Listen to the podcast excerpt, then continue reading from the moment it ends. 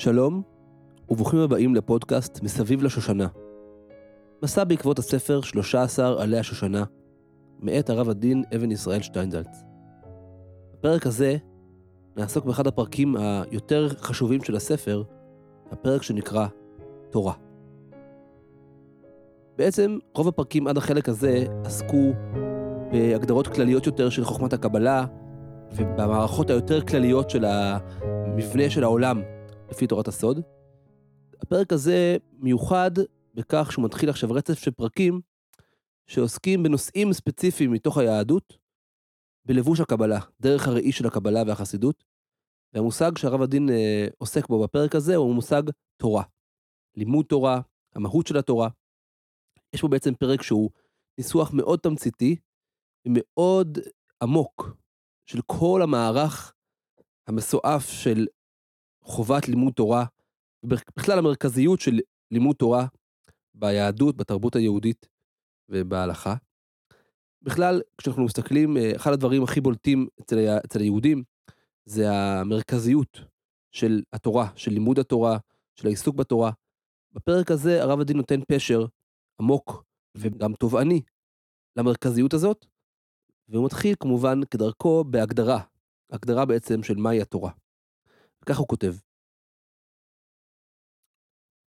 המשמעות העקרונית הדתית של לימוד ספרי הקודש, הן ספרי החוק, הן ספרי הנבואה, והן מכלול הפירושים וההסברים שבספרות ההלכה והאגדה שבכל הדורות, יש לה מקום כה מרכזי וכה מיוחד ביהדות, עד שלמעשה אין תרגום אמיתי המבטא את כלל הספרות הזו, אלא בביטוי העברי תורה. בצורה תמציתית בוטה הדבר באמירה, כי בדתות שונות קיים המושג של תורה מן השמיים, אולם רק ביהדות קיים המושג במשמעות מפליגה ועליונה יותר, של התורה שהיא עצמה שמיים.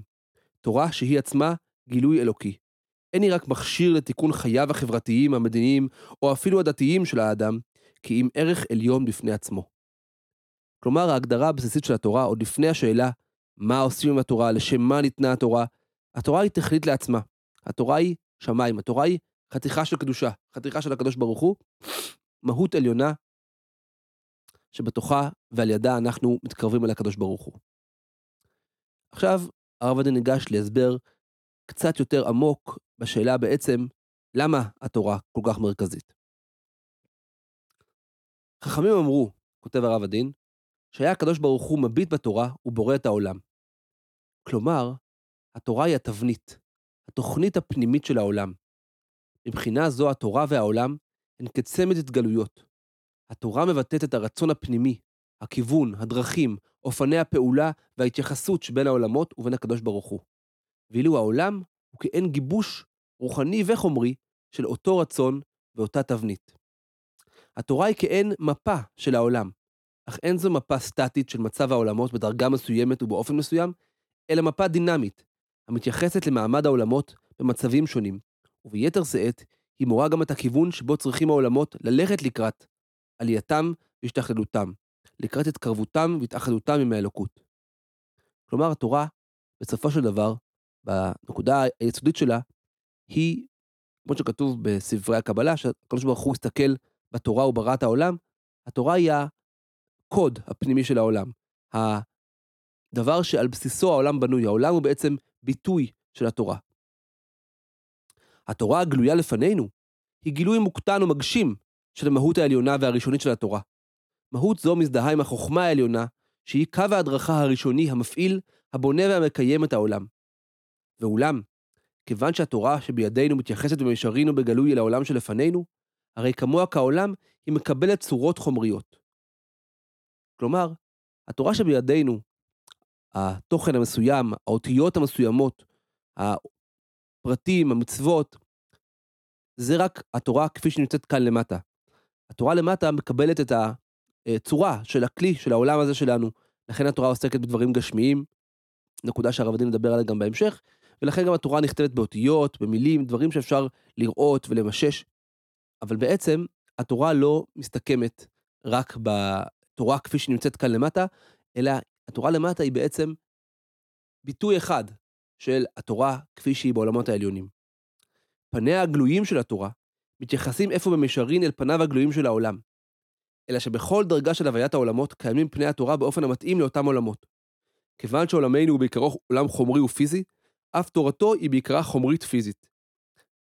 התורה יכולה להיות בכל מיני דרגות, בכל מיני עולמות, להתבטא בצורות שונות. בעולמות רוחניים יותר, התורה מתבטאת במושגים רוחניים יותר. בעולם הגשמי שלנו, התורה מתבטאת במושגים גשמיים.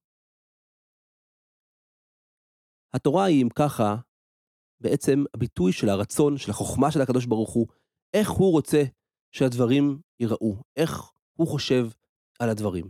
כפי שזה יורד לעולם שלנו, זה מקבל פנים של, שמתאימות, פנים שמתאימות לעולם שלנו. מכאן אנחנו עוברים לשאלה בעצם נורא יסודית. מה בעצם אנחנו עושים כשאנחנו לומדים תורה? למה אנחנו צריכים ללמוד תורה, לעסוק בתורה? מה בעצם המהות של העיסוק הזה שלוקח כל כך הרבה אה, זמן ואנרגיה בחיים של היהודי? מה בעצם העניין של לימוד התורה?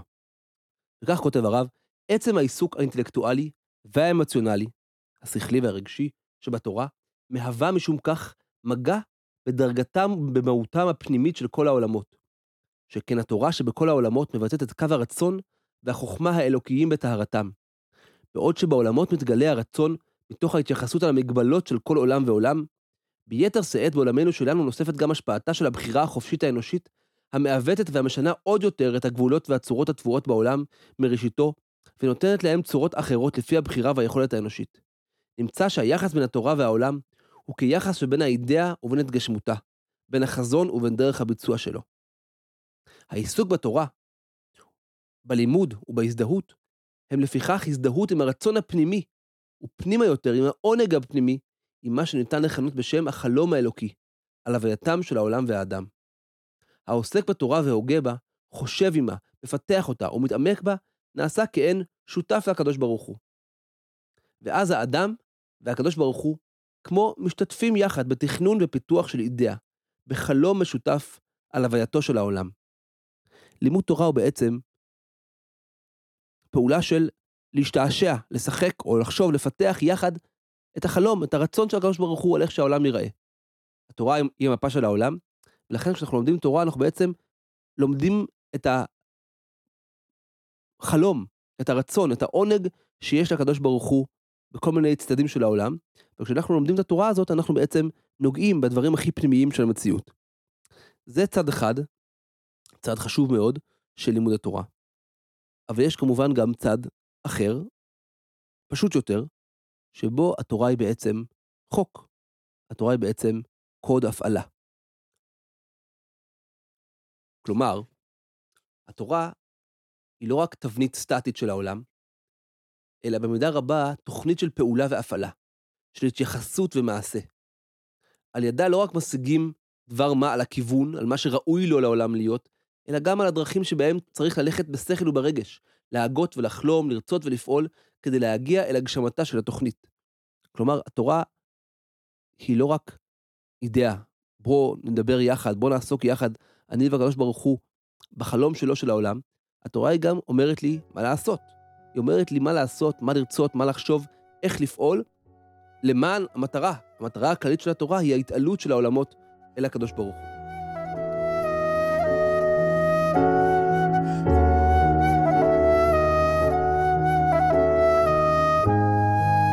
כאן נכנס הרב לעניין מעניין, שהוא בעצם מסביר עוד יותר טוב את ההבדל שיש בין המצב לפני מתן תורה לבין אחריו.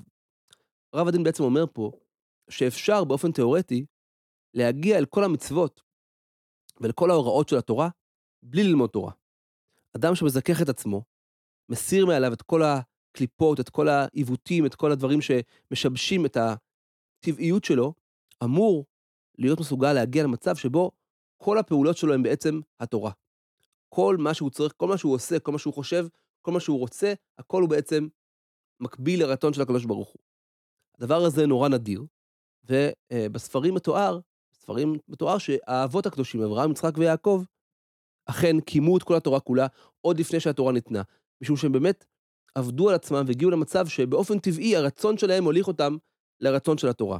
אבל, אומר הרב, גם בדרגה הזאת, שלפני מתן תורה, יש עילוי, יש ש- ש- מצב אה, אה, שמשתבח ומתפתח אחרי מתן תורה, בגלל שאחרי מתן תורה אנחנו מקבלים לא רק את הדבר האישי שאני אמור לעשות עכשיו ברגע זה, של זה הייתי יכול להגיע גם אילולא התורה, אחרי התורה אני מקבל בעצם גישה לאידאה, לחזון, למחשבה של הקדוש ברוך הוא על העולם.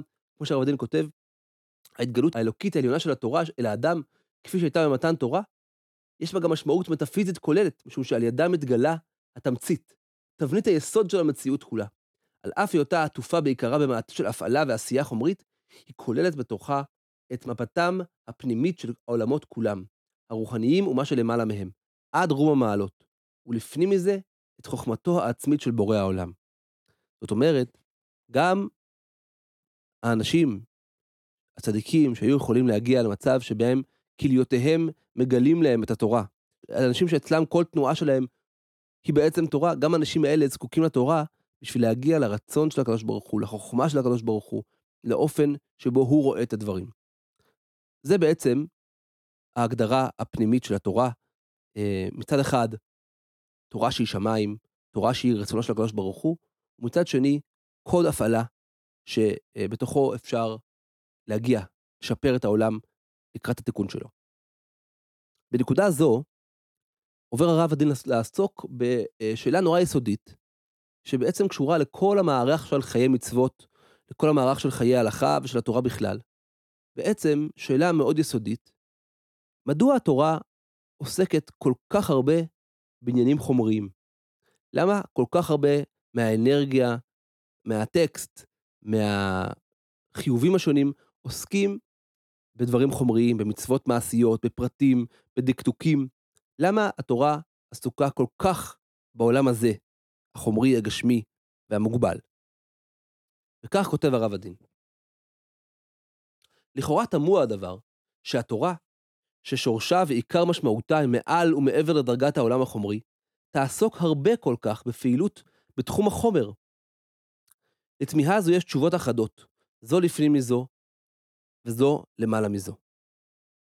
בדרגה ראשונה, כותב הרב, התשובה היא שהתורה, בהתייחסה על בני האדם, מתייחסת אל אותם חלקים של המציאות שעמהם יש לבני האדם היכרות קרובה, מיידית, והתייחסות והזדהות פשוטות וראשוניות, שאינן נזקקות להתעוררות מיוחדת ונוספת על ידי העמקה או רצייה.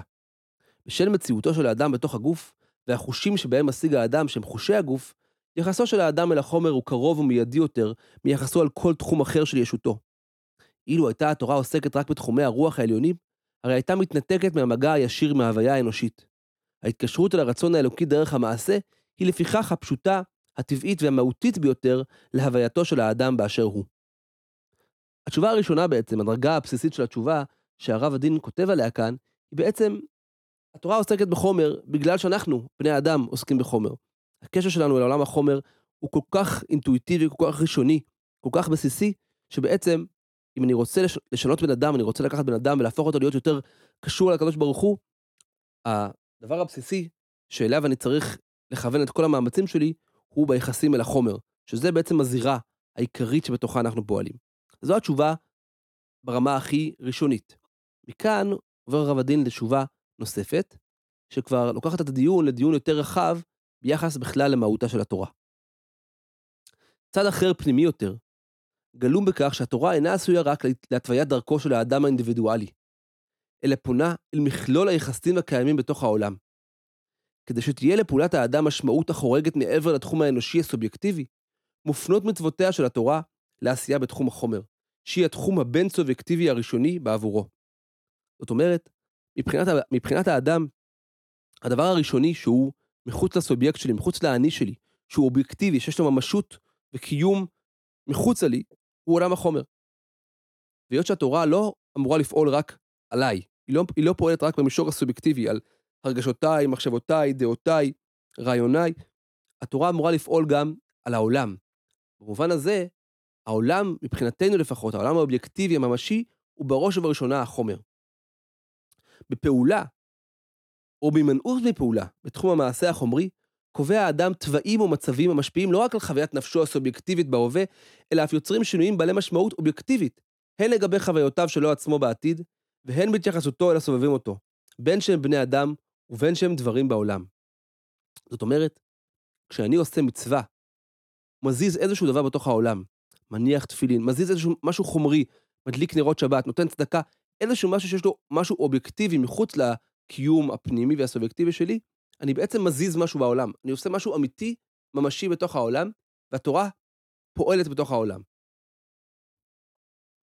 הפעילות דרך החומר היא משום כך מעמיקה יותר, שכן היא מערבת בדרך תיקון העולם לא רק את החוויה הרוחנית האנושית, שהיא סובייקטיבית במידה רבה, אלא גם את התחומים החומריים שהם בין אנושיים, ואשר על ידי מעשים של קדושה הם משנים את מקומותיהם, משנים את עמדותיהם, ושבים ומתקרבים לתבנית האידיאלית של העולם.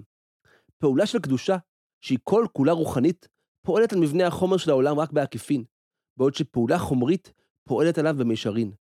ומאחר שהחומר של העולם הוא החלק הבסיסי, המרוכז של העולמות, הרי תיקונו הוא ממילא גם תיקון של כלל מערכת העולמות, ישורם והכוונתם כלפי האלוקי עד רום המעלות. העיסוק בחומר, ולא רק בחומר במובן הזה של משהו חומרי שאפשר למשש, אלא בכלל, המצוות שפונות אל אנשים אחרים, אל יחסים שלי אל כל מה שקיים מחוצה אליי, זה מה שהופך את התורה להיות משהו מתורה רוחנית שעוסקת במיינדפולנס, עוסקת במודעות, עוסקת בתיקון הנפש, לתורה שעוסקת בעולם. לכן כל כך הרבה מהתורה עוסקת לא רק במה שאני מרגיש, כמו מצוות אהבת השם, או מצוות יראת השם, או מצוות דבקות או תפילה, אלא איך אני פועל בתוך העולם, איך אני פועל מול אנשים אחרים, מול מערכות, מול החומר, מול בעלי חיים, מול הצומח. כל השאלות האלה הן בעצם הדרך של התורה לפעול על העולם האובייקטיבי. זה צד נוסף של התשובה.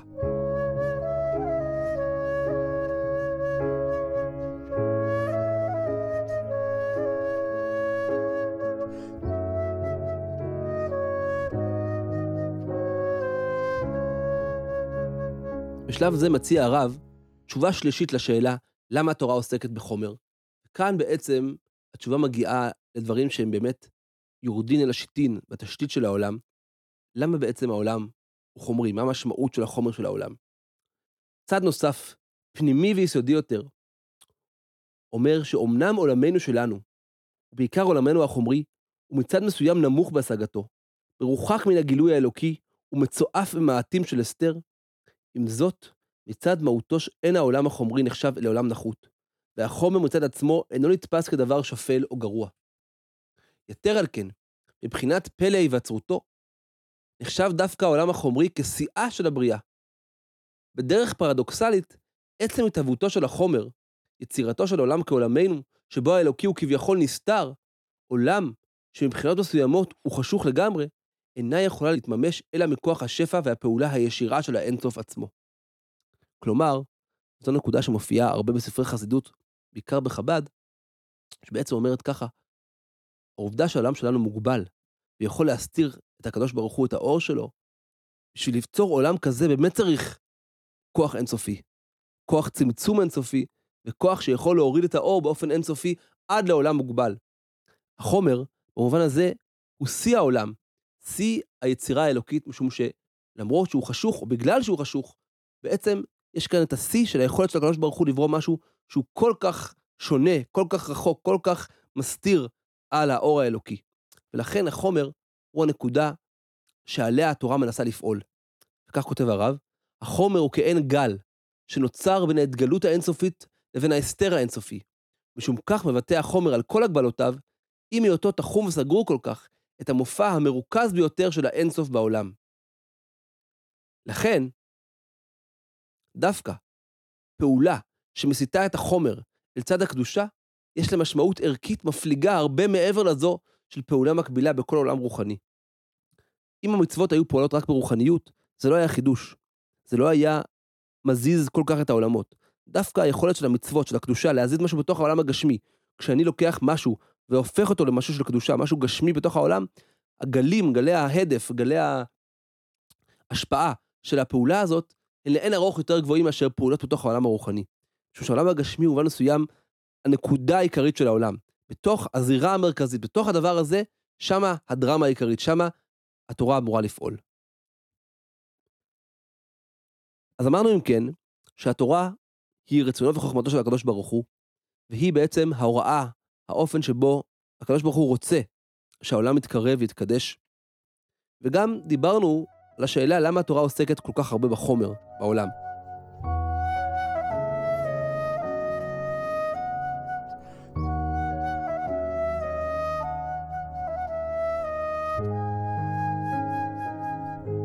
בנקודה הזו עובר רב הדין לדבר על שאלה לא פחות מטרידה, ובעצם יש כאן תיאור מופלא של איך נראה אדם דתי, איך צריך להיראות יהודי דתי. השאלה שהרב הדין עוסק בה כאן היא בעצם השאלה, למה התורה נכנסת לכל פרט של החיים? למה התורה לא מסתפקת בהתוויית דרך בתחומים מסוימים, בחלקים מסוימים של העולם ושל המציאות ושל האדם? למה יש לתורה נטייה להיכנס ולעצב כל פרט ופרט של החיים? ואני קורא. חוק התורה, לא זו בלבד שהוא עוסק בענייני החומר, אלא יש בו צד נוסף העלול להיראות מטריד ומביך, והוא שאין הוא מצמצם עצמו לתחום אחד, למקומות ולדברים מסוימים בלבד, אלא הוא מתפשט, מקיף וחודר את תחומי החיים כולם. דרכה של התורה אינה כאותן דתות המפקידות רק חלק מסוים מחייו של האדם בתחום ההתייחסות אדם אלוקים. כל העמדה כזו של דת מול חייו של אדם בנויה על הנחה שיש תחום מסוים ומוגדר של קדושה, שהאדם יכול להיכנס אליו או לצאת ממנו לעיתים מזומנות.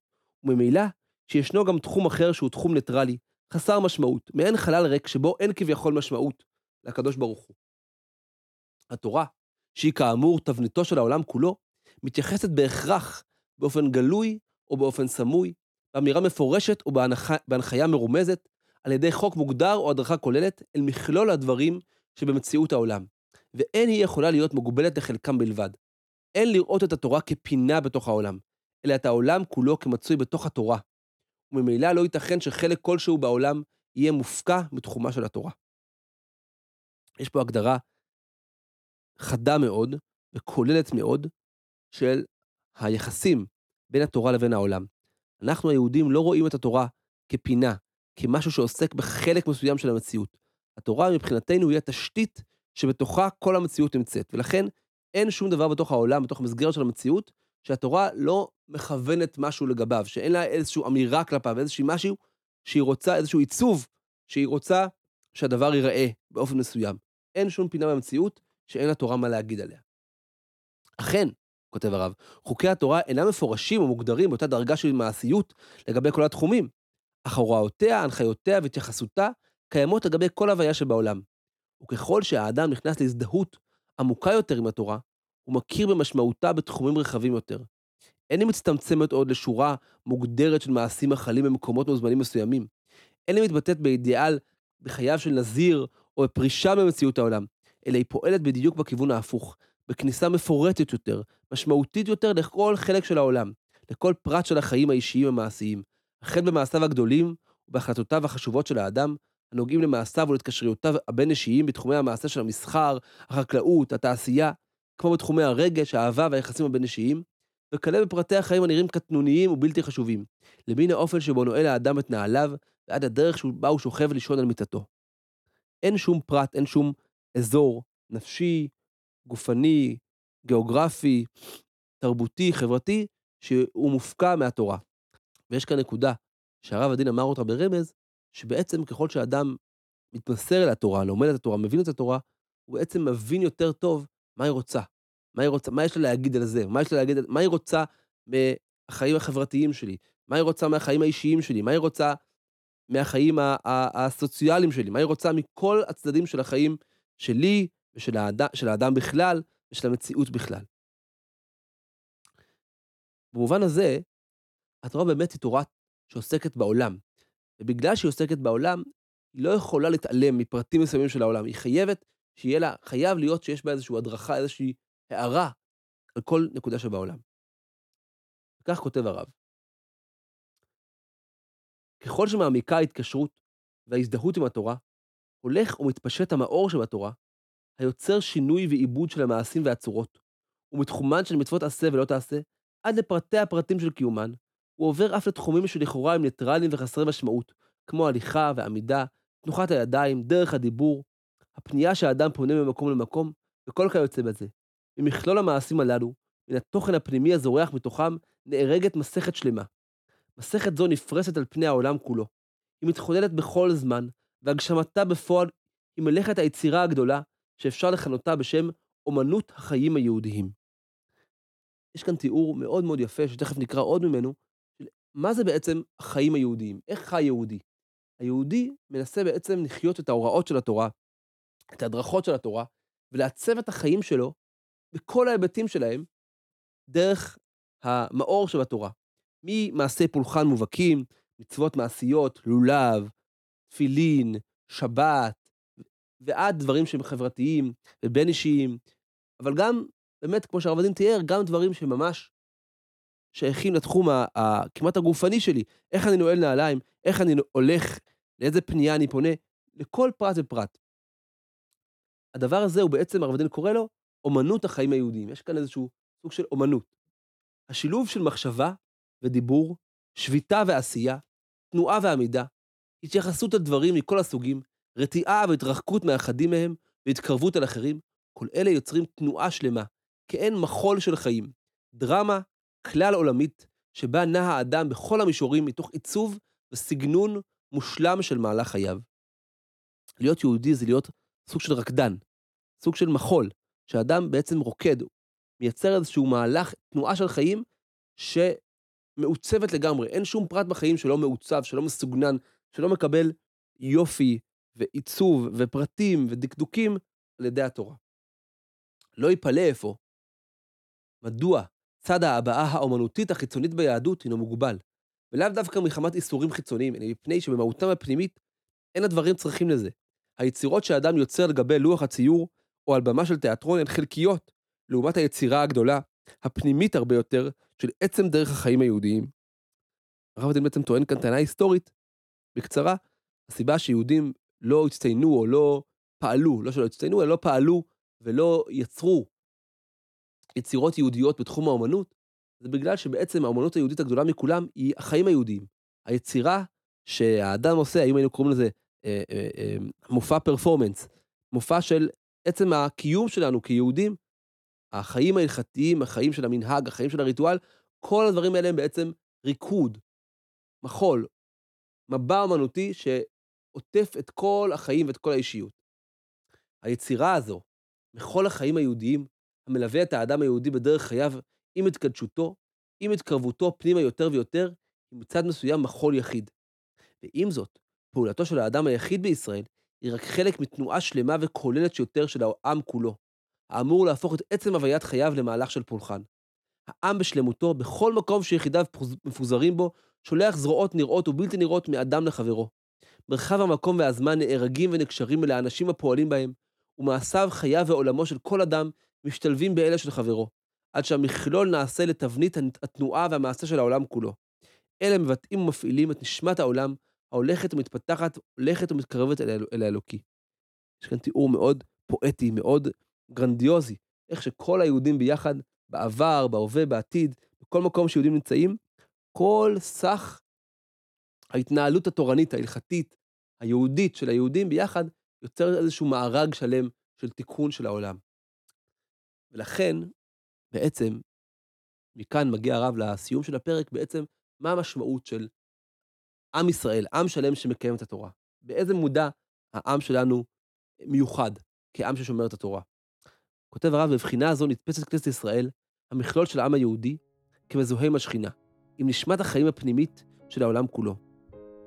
ההגדרה הזו של בחירת ישראל כממלכת כהנים וגוי קדוש, מעמידה את העם היהודי כעם אשר בדרך חייו צריך להיות הכהן של העולם. כל דרך חייו בעולם, לבין מעשים הפרטיים של כל יחיד, ועד הפעולות המורכבות של קהילותיו ומרכזים הגדולים של הווייתו, הרי הם כעבודת הכהן המשמש בקודש בעבור העולם כולו. החובה והאחריות היא איפה גדולה וכבדה ביותר. זאת אומרת, יש משהו בכך שאנחנו העם שקיבל את התורה, אנחנו בעצם צריכים לעצב את החיים שלנו, החיים של העם שלנו, כחיים שמביעים את התורה בתוך העולם. וזה התפקיד שלנו בתור אה, ממלכת כהנים, זה להיות עם שמביא לפועל את הרצון של התורה, את החוכמה של הקדוש ברוך הוא, את האור של התורה, לתוך החיים המעשיים של העולם. אז פתחנו בהגדרה יסודית של תורה שהיא שמיים, תורה שהיא הרצון העליון של הקדוש ברוך הוא, וסיימנו בתורה שהיא בעצם תורה שמעצבת את החיים שלנו כיחידים וכעם, ואנחנו, כיחידים ו- וכעם, בעצם מורידים למטה, מיישמים את החלום שיש לקדוש ברוך הוא על המציאות. מיישמים את התורה.